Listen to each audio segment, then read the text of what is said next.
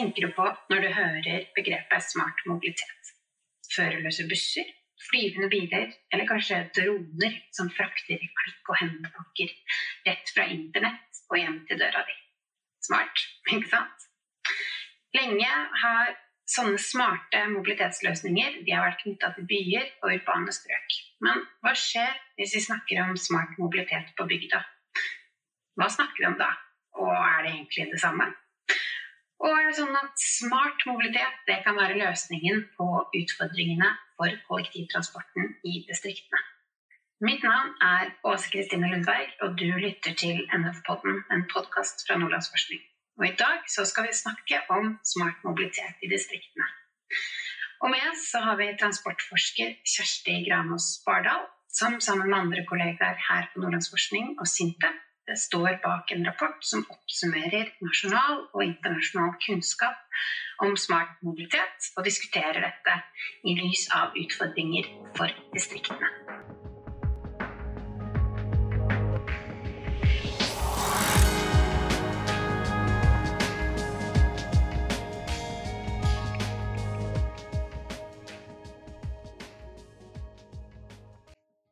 Du har jo da, Før, før vi kommer til, til denne kunnskapsoppsummeringen som, som, dere har skrevet, så lurer jeg på hva er egentlig smart mobilitet? Og hva betyr det? Altså, hvorfor hekter man smart på?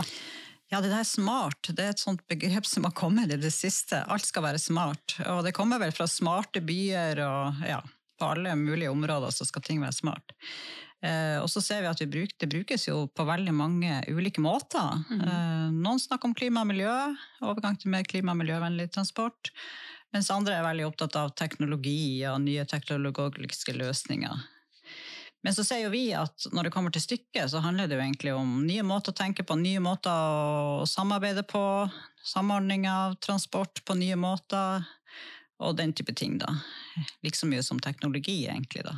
Mm. For det er liksom lett å tenke på at Når noe er smart, så er det noe annet som er dumt. da. Sånn, ja, akkurat som man ikke gjorde noe smart før.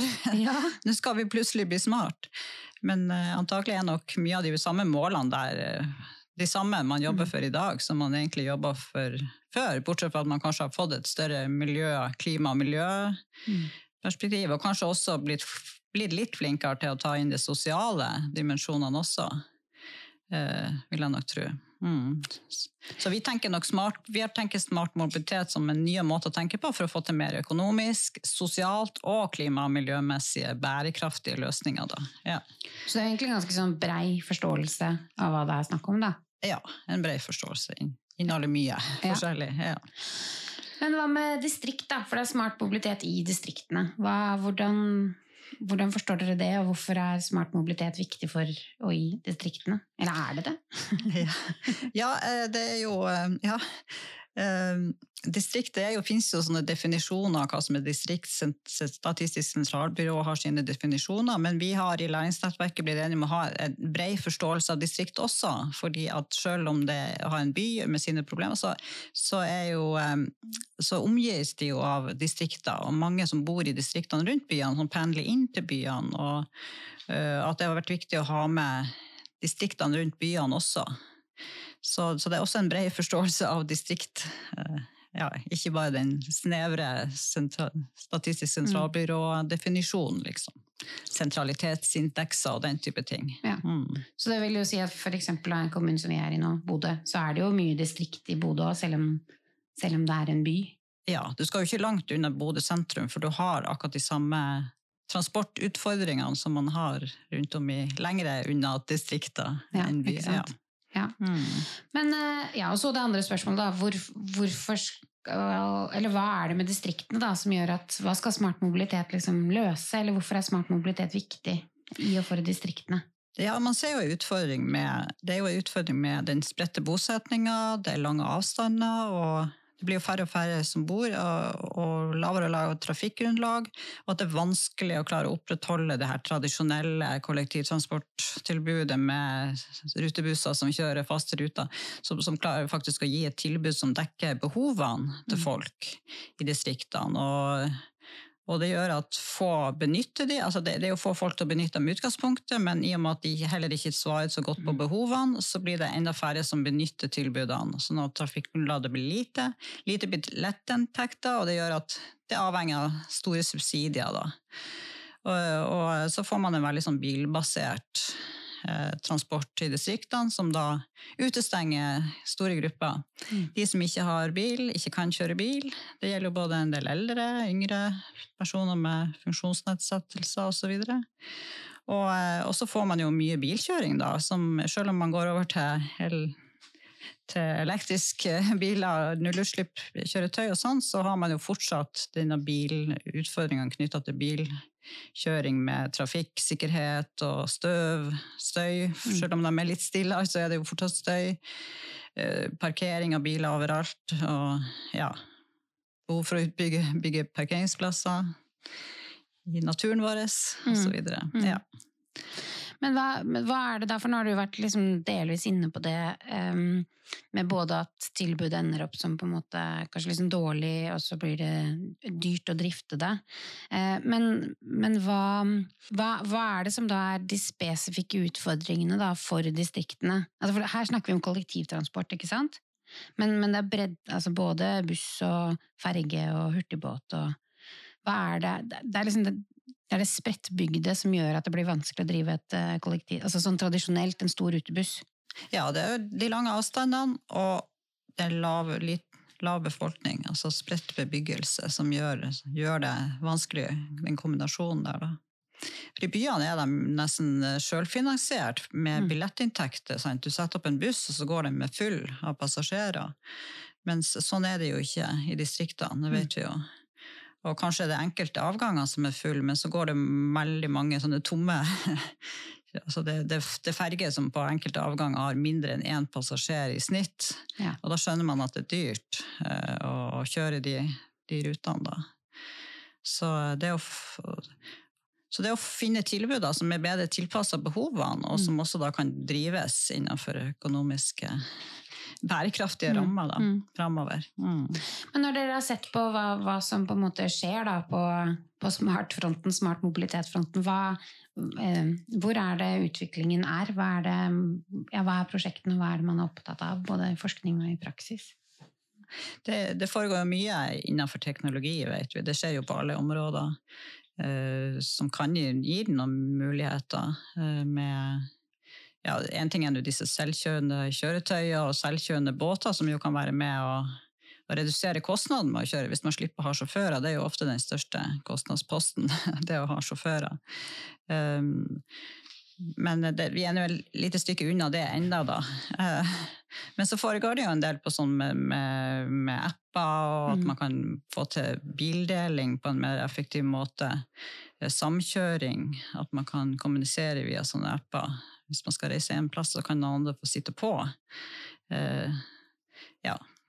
Det tenker jeg jo er litt lavthengende frukter Ja. som, som man kan bruke. De, alle, veldig mange har iallfall smarttelefon. Selv om ikke alle er, helt med der ennå, så er det veldig mange som kan ta i bruk sånne ting ganske enkelt.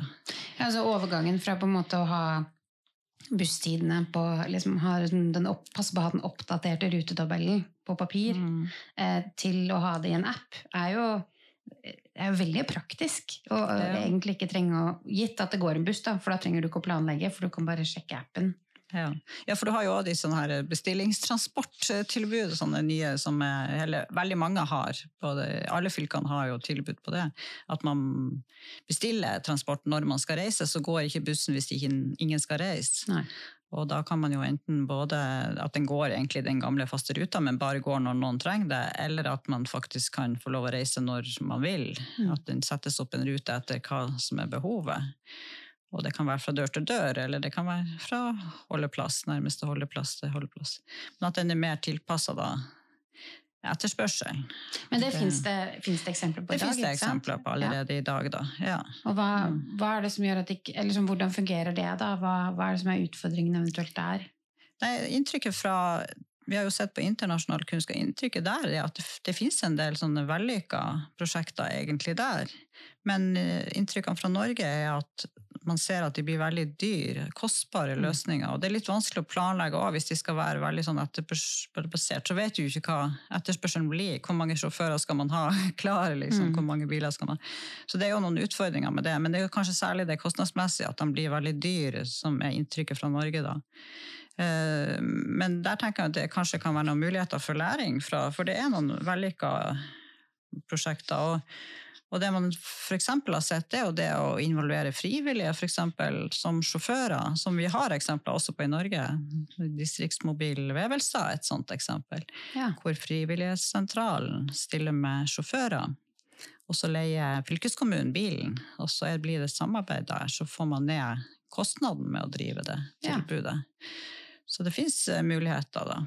Fordi, eh, fordi hva, hva er det som For dere, jeg vet at dere også har sett på barrierer for hvordan Altså hva vi i hvert fall vet da om, om kunnskap om barrierer for å få smart mobilitet til å fungere. Hva, hva, hva, er din favorittbarriere? Eller hva du er det, liksom, hva er det letteste å gjøre noe med, og hva er det vanskeligste? Min favorittbarriere er kanskje Ja. kultur. Men det er Ja, kanskje det og- som er vanskeligst å gjøre noe med. Eller det som er, krever mer, da. Altså det er noe med hvordan vi tenker kultur, og det gjelder kanskje både de som planlegger, og det gjelder befolkninga generelt. At vi, vi har en veldig sterk bilkultur. eh, Og, og eksempel skal man begynne med samkjøring, så liksom, har du lyst til å sitte på med naboen? på, liksom på vei inn til byen. Da. Det, det er liksom å bryte noen sånne barrierer, tror jeg, i, i kulturen vår er viktig. Men også gjelder jo i planlegging og det her med politikk og prioritering. Altså, det er jo det er mye det handler om der. Ønsker vi virkelig å, å gå over til mer kollektivtransport og mindre bil, så, så har vi jo muligheten til det, men at det, det krever litt mot av politikere. og det, det blir protester når man tar bort ting som har vært, og skal introdusere nye ting, så blir det gjerne protester. Da. Så det, jeg tror det, det er det viktigste. Jeg tror ikke det er teknologien som er hindringa, iallfall sånn den viktigste hindringa. Det er det ikke. Det gikk på kultur og politikk, tror jeg. det. Og, og samarbeid. Samordning, organisering. Mm. Ja, mellom ulike aktører. For det er jo veldig Ja. mange forskjellige som er involvert i, i kollektivtransport. Altså, eller, ja. Ja da, det er både offentlige, ulike offentlige, og det er ulike det private, offentlige, frivillige, også befolkninga, det å engasjere befolkninga. Så det, det er mange involvert. Men det var gøy det du sa med kultur da, og, og det med bil. fordi eh, er det noe som skaper liksom harme, så det jo, har det jo vært bompenger. Og bompengepartiene har jo liksom, de gjorde det jo skarpt, og så har jo kanskje oppslutningen dalt ganske um, som, som et sånn uttrykk for en protest. Da. Men, men hva, for det lurer jeg på liksom kultur For der tenker jeg kanskje er, er det, eller Vet vi noe om liksom, hva er forskjellen på det med kultur knytta til bil? I, er det forskjell på det, distriktene og byene på det, f.eks.? Jeg vet ikke, men jeg tror jo en del av de som har protestert i by, det er vel de som kommer fra distriktene nå, da. Er det ikke det? Mm. For at de som bor i byen, Mm. de har nok eh, de, de, de bor jo nært. De er ikke så avhengig av bil ofte da. Mens det er vel de som kommer inn fra distriktene inn til byen, som kanskje har protestert i, størst grad, Mm. jeg tror jeg, mot disse bom, bomringene. da. Syns det er urettferdig at de som bor i Ja. byen, ikke betaler. Ja, og at man, De som bor innenfor pendle. Ja. Ja, som man er avhengig av å pendle, da. Ja. Lange avstander. Det blir dyrt. Mm. Men er det noe i disse prosjektene Nå har jo ikke det sett så altså I neste runde er det de konkrete prosjektene, da, men hva Kultur, da, det er jo liksom, liksom hvor, hva som sitter i hodene på oss, og hva vi er vant til. Eh, hva, hva jeg, jeg bare prøver å tenke på liksom noe av det grisgren, mest grisgrendte jeg vet om. Og liksom, hvor sannsynlig er det at man faktisk For der har jo alle hver sin bil, Mm. nesten. Hvor sannsynlig er det at altså, Eller hva, hva, hva gjør man da hvis kultur er en så viktig barriere? Eller det er kanskje det at den er vanskelig? Ja, det er jo det som er at den er så vanskelig. Ja. ja. Så ja. eh, Nei, jeg tror jo det, jeg, jeg tror jo det som vi har sett i, som er suksessfaktorer, da, det der med, med å, å, å ta det på alvor og, lokalt, og skape lokalt engasjement og inkludere lokalsamfunnene og, og ta deres behov på alvor. eh, At det er kanskje måten å gå på, å involvere dem og liksom lage noen forpliktende mål og, og løsninger sammen. Tenker jo jeg er den beste måten å angripe en sånn Mm. det er problem, utfordringer på. Da. Mm. Mm. Forstå behovene, og så prøve å håndtere, altså gjøre noe med det som Ja. er det konkrete. Ta dem med, la dem få være med og bestemme løsninger eh, som, som kan dekke de behovene de har da, Mm. for transport. Hva med de andre barrierene? Da? Er det noen barrierer du tenker det er lettere å gjøre noe med for å, for å få, få rulla smart mobilitet ut i, i distriktene? Ja. Nei, altså, lett Det spørs hvem man spør, sikkert, Ja, hva som er er lett. da. Men jeg tenker jo det at man faktisk får ressurser til, Mm. og, og kunnskap, og både, det gjelder både kapasitet til å jobbe med nye måter å løse på, at fylkeskommunene får satt av ressurser til å jobbe med det, og også økonomiske ressurser til å prøve ut eh, nye ting, Mm. og også drifte nye ting, og, ha litt tålmodighet, for de ser det tar jo litt grann tid å få innarbeide nye, nye løsninger, og få folk til å begynne å bruke det. Det er ikke sånn at du kan bare sette det i gang, og så skal gå i tre måneder, og så Mm. tror man at plutselig skal bruke alle det.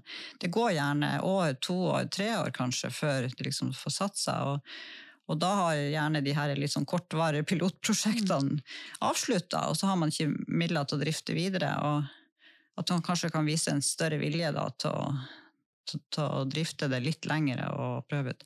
Og så er det òg det når man først da har gjort noen prosjekt, at man faktisk evaluerer det. Hva fungerte, hva fungerte ikke. Det tenker jeg òg må være Selv om det koster litt, så, så tenker jeg det er en sånn litt lavthengende frukt at man faktisk bruker den erfaringa man Mm. har. At man samler den og, og tar den med videre inn i neste.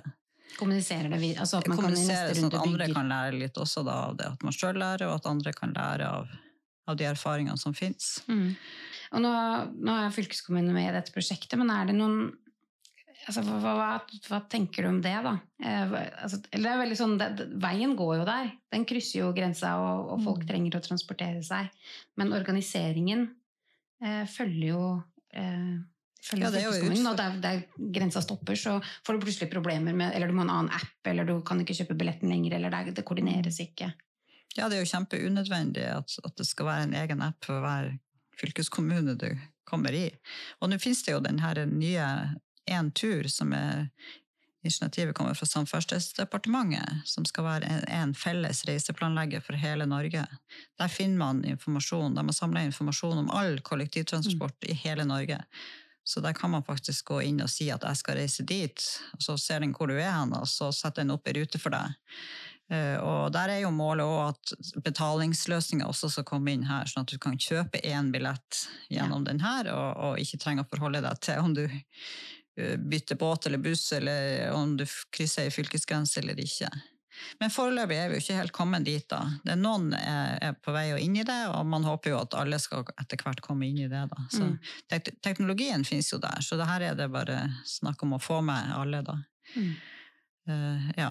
Og så finnes det jo prosjekter òg i forhold til Det er et prosjekt som Vestland og Møre og Romsdal har, som heter Travel like the locals. Ja. Hvor, de har, hvor turister som er beregna på turister, gjør det enklere for dem å benytte For det ene ting er jo oss som bor her og kjenner til, men det er jo enda verre når du kommer som turist og Mhm. ikke vet hvor du skal gå inn og finne informasjon. Men der kan man gå inn på en nettsted og, så, og bestille seg en billett fra A til B, og så blir det satt opp ei reiserute for dem, og så betaler de en billett. Og så kan de kjøre, ja, reise i Vestland og Møre og Romsdal Ja. på kryss og tvers der, sånn de ønsker. Ja, for det er jo for nå, nå bringer du inn turisten, eh, på en måte. Og, og hvordan I Norge har vi jo mye som er verdt å se, som ikke nødvendigvis ligger sånn kjempenærme et busstopp. Ja, det er jo nesten det vi baserer turismen på. Det er jo naturen vår og Ja, avsidesliggende eh, ja. destinasjoner som ligger avsidesliggende. Og, og det, jeg tenker det er en utfordring at den skal være så bilbasert. Både fordi at den ødelegger den fine naturen vi bil, bil, All den bilkjøringa og parkeringa og ja, En ting er når de står i grøfter overalt, men det å bygge ut store parkeringsplasser òg i den fine naturen er også litt ugunstig, vil jeg si. Eh, Og i tillegg så stenger man jo også ute store grupper. De som ikke kan Personer med funksjonsnedsettelse, eldre som ikke kjører bil lenger. Barn og unge klarer jo heller ikke å komme seg rundt så lett når det skal være basert på bil, alt. Så um, ja. Men, men hva er det som skal til for at de eksemplene skal bli mer enn bare altså, Så har jeg også liksom at pilotprosjektene, og så stopper perioden. Og så, altså, hva, hvordan blir liksom det mer sånn storskalaløsninger? Eller er det nettopp sånn at de må være små kanskje for, for å svare på behovet akkurat der? Eh, nei, det er tilbake til det som jeg sa egentlig tidligere her, med det som viser seg å være det gode, som suksess, viktige suksessfaktoren, det at du, du, får til lokalt engasjement og får til gode samarbeid lokalt med lokale aktører. Eh, at det er med å bygge opp med at det blir varige løsninger, da, eh, er en sånn viktig suksessfaktor. Men så er det jo de tilfellene man trenger finansiering mm. litt, at man, man, faktisk får det, at det, det prioriteres. Og så er det et annet eksempel som jeg kom på ja, nå. Det er jo det her med det, det, I Europa det finnes noen sånn eksempel på hvor, de, hvor kollektivtransporten er, oppleves som gratis, men det som skjer, er at de tar inn eh, de tar inn det det koster å drive kollektivtransporten ved at de har lagt på en liten avgift på alt som handles. Ja. Om du går på butikken eller om du er på kafeen, eller noe sånt, så tas det inn en liten avgift som går til å dekke kollektivtransporttilbudet der på turist, de turistdestinasjonene. Da. Og, og, da oppleves den som gratis, og da er kanskje det lettere å, å ta den. Da. Ja, og så ja, det der å ha for turistene sin del at man har Eh, det finnes også eksempler de har noen konsepter som på en måte følger samme de har samme logo, ser likedan ut, sånn at de er lett gjenkjennelige. Mm. Det er lett å ta det i bruk, selv om det er på forskjellige plasser. Så vet man hva det er for noe, og, og kan bruke det når man kommer til neste plass. Mm. At ikke alt ser veldig forskjellig ut, og nye nettsider man skal lette mm. opp på. Ja. Mm. Ja, men hvis du skal se da inn i for Det er som du sier, eh, teknologiutviklinga går liksom fort. Vi, skal, jo, vi skulle jo gjerne hatt en sånn derre skulle hatt en, en bolle å se inn i, eller en glasskule. men, men hva, hva, tror du, hvis du skal spå da, om framtida, hva, hva, tror du at, at, smarte mobilitetsløsninger kan eh, altså, Hvordan ser de ut for distriktene liksom, i framtiden? Eh, nei, jeg tror utviklinga med de sånn plattformene, appene, at smarttelefonen, at vi, vi, kan kommunisere mye mer effektivt, så har jo jeg veldig tro på sånn, kanskje bildeling, samkjøring, den mm. type ting altså, i distriktene. Har et, jeg tror Foreløpig er det jo mest i by, men jeg tenker på det som er sånn veldig potensial for distriktene, kanskje. Og det med, med samordning av transport, ulike typer transport, at man kan kombinere det, at man ikke kjører ved siden av hverandre skal til, til, forskjellige ting, og så mm. kjører man ved siden av hverandre. Sånn. Så, men så er det jo så fantastisk med den teknologiske utviklingen. Vi vet hva vi har i dag, men vi mm. aner ikke hva vi har om fem år eller mm. ti år. og selvkjørende kjøretøy kommer jo av, og det er jo også sånn som prøves ut i byen nå, men jeg tenker jo også det der med det, det, er jo en mulighet i det at man kan få redusert kostnadene når man slipper å ha sjåfører, at, at, det gir mer fleksibilitet. Hvis, hvis hvis eller når det kommer mm. mm blir utbredt, så, så, kan jo det være like mye en løsning i distriktene som i by. Ja, det trenger ikke å være forbeholdt by, liksom, selv om det er der man tester Nei. ut mest nå. Ja, selv om det er litt ulike forutsetninger og litt ulike utfordringer knytta til det, så tenker jeg det må være like mye en løsning i distriktene som i, i, by. For i by kan du jo faktisk gjøre en buss med sjåfør, og nesten ja. ha det lønnsomt, også, men så sånn sett er potensialet mye større i distriktene, tenker jeg. Og det er mye vei der. Og det er mye vei. ja. ja, og det er jo mange av de utfordringene i byer med kompliserte trafikkbilder og mye folk som du jo ikke har i by, selv om det er litt sånn annerledes, litt annet landskap og mm. sånn. Så ja, litt forskjellig.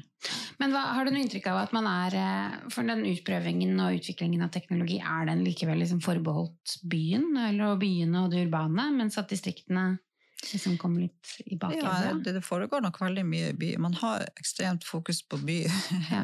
i utvikling av løsninger. Og det er vel det som kanskje mangler, et litt større fokus på distrikt. Mm. For selv om flest kanskje bor i by, og mange bor i by, så er det jo også veldig mange som bor i distrikt. Og det er ikke bare i Norge, det er jo hele Europa, det er hele verden. Så er det mye distrikt. Eh, så Sånn at man må vri og fokusere litt over på distriktet og lage løsninger for distriktene. Basert på deres behov mm, mm. og utfordringer. Mm. Men det kanskje peker også liksom behovet, på behovet for styring. Hvem er det som skal styre dette? Ja, det er nok kjempeviktig at det offentlige går inn og styrer en del av det utviklet, sånn at det ikke bare blir de private som, Mm. som følger penger. Det gjør det jo da. Hvis det skal være kommersielt, så blir det jo der det er mange folk og, og blir lønnsomt å drive. Så skal man få til noe i distriktene, så må nok det offentlige kanskje sterkere inn og styre. Og, og det gjelder jo også på regulering, og at man får inn ting som faktisk dekker behovene Mm. man har. At ikke det bare blir noen som har en fancy teknologisk løsning som de har lyst til å få ut, og så er det egentlig ikke det det er behov for. Og så kanskje fortrenger det noe annet som hadde vært bedre. Ja, så det er absolutt en behov for styring og regulering. Hvordan er vi liksom rigga til det da, i Norge, med liksom både det lokale, regionale og nasjonale? Altså, det er mye nivåer. Ja, det er mye nivåer, så det gjelder vel på alle områder der å, å få nivåene til å snakke sammen, og sektorene, de ulike sektorene til å snakke sammen, og, ja, for å få, få til det her. Da. At man er litt i forkant, det ser man jo. Man har jo sett det i by med elsparkesyklene, at man har havna helt Mm, i bakkant. Nå kommer det regulering nå, da. Eh, Men plutselig så var de der. Men det er jo det med teknologisk utvikling òg, at plutselig så er det der, og så vet man ikke helt hva som kommer rundt neste sving. Mm. Så man må handle raskt for å være i forkant. Men, men det er jo også med teknologien og samling av data og alt det her og løsninger at det er jo viktig å styre det sånn at man ikke låser seg til spesifikke leverandører, og at man sørger for at man kan bruke de dataene, at det ikke sitter spesifikke private leverandører og eier dataene som lagres, og, og den type ting òg. Behov for eh, styring med, da. Men det er det oppmerksomhet om og på, eller hvordan? Ja, det, det, jeg føler at det er oppmerksomhet rundt det, men at man jobber vel med hvordan man skal gjøre det i praksis, da, og Mm. få til en god måte å gjøre det på. Men, men det er vel oppmerksomhet på det. Ja. Mm. En, eh, en av de tingene vi gjør til felles, da, det er at vi har vokst opp på Norges eh, største øy. Den vakreste, syns noen, da, Hinnøya. Men, eh, men, og du, du er jo Ja, jeg har vokst opp i Harstad. Så det er, det er jo en, en kommune med både distrikt og by. Men du har vokst opp i Lødingen. Ut ifra liksom det du vet, hva tenker du er hva, Av de konkrete eksemplene da på, på smarte mobilitetsløsninger, hva, hva ser du for deg kan liksom fungere eh, der? Ja, nå er jo jeg vokst opp på Lødingen, sier du, og, vi reiser jo da Eller jeg var jo vant til at vi dro til Harstad, vi dro til Sortland, det var Mm. byen. Og der er jo altså Nå har det jo blitt Vi hadde jo mye tilbud på Lødingen da jeg vokste opp, men, men nå Ja. er det jo blitt mindre og mindre. Ja. Sånn at man må jo gjerne, når man skal på, ha spesielle ting på butikken, handle ting eh, Når man skal på sykehus, må man til Harstad, og videregående skole ligger i Sortland. Altså, det er mye sånn transport imellom de her. Og, og folk har arbeidet sitt Sortland, Harstad altså Det er mye pendling, eller mye, vil jeg ikke si, men noen, en del pendler jo òg. Så det er jo mye kjøring mellom de her. Og jeg tenker jo muligheten det her med, med bildeling og samkjøring, at man Mm. kanskje kan utnytte det i større grad. Jeg vet jo også Harstad har jo et stort omland ja, med, Ja. med distrikter, og, så, og, og der òg, hvor de liksom sokner inn mot Harstad. Eh, Bildeling og samkjøring har jeg veldig tro på kan være en mulighet. eh, eh. Og så er det jo kanskje noe med liksom Harstad har vært noen runder gjennom noen kommunesammenslåinger og fått både øyer og øyer Mm. med ferger og øyer med tunnel og sånne ting. Men, men, og det er jo kanskje en ting vi også ser, da, at når kommunene blir større, så blir det jo også mer omland rundt Mm. både tettsteder og, og byer, da. Og at det er et behov for en fleksibilitet. Eh, altså, altså at man i større grad kanskje trenger den der sammenhengen mellom, mellom by og distrikt da, innenfor en og samme kommune når man planlegger for transport. Mm. Ja da, det har nok vært lettere å bare tenke byen litt sånn men men nå kan de ikke det. Jeg vet sånn som det I Stavanger òg har de jo fått Mm, store Det er mm. mange kommuner, bykommuner som har fått store sånne distriktskommuner plutselig er inkludert. Da, som gir, gjør at de òg er nødt til å tenke annerledes. Og det tenker jeg er bra, at, også, Mm. at byene og distriktene kan tenke sammen. Da, at det ikke blir noe opp mot hverandre. For det har vi kanskje sett litt tidligere, at distriktskommunene og bykommunene. At det har vært litt sånn konflikter mellom Mm. dem, for de har ulike interesser. Mm. Mens nå har du jo fått samla det, så, så, så det kan jo være en, kanskje en fordel. Kanskje det kan komme noe godt ut av det her Ja, vi får se. Noen vil jo mene noe annet, da. Men... Det er ikke alle som er enig i det, kanskje. Men, Nei, nei, og det vet man jo heller ikke, liksom. nei, det vet man ikke. Men kanskje det kan at bykommunene blir mer oppmerksom på Ja. utfordringer.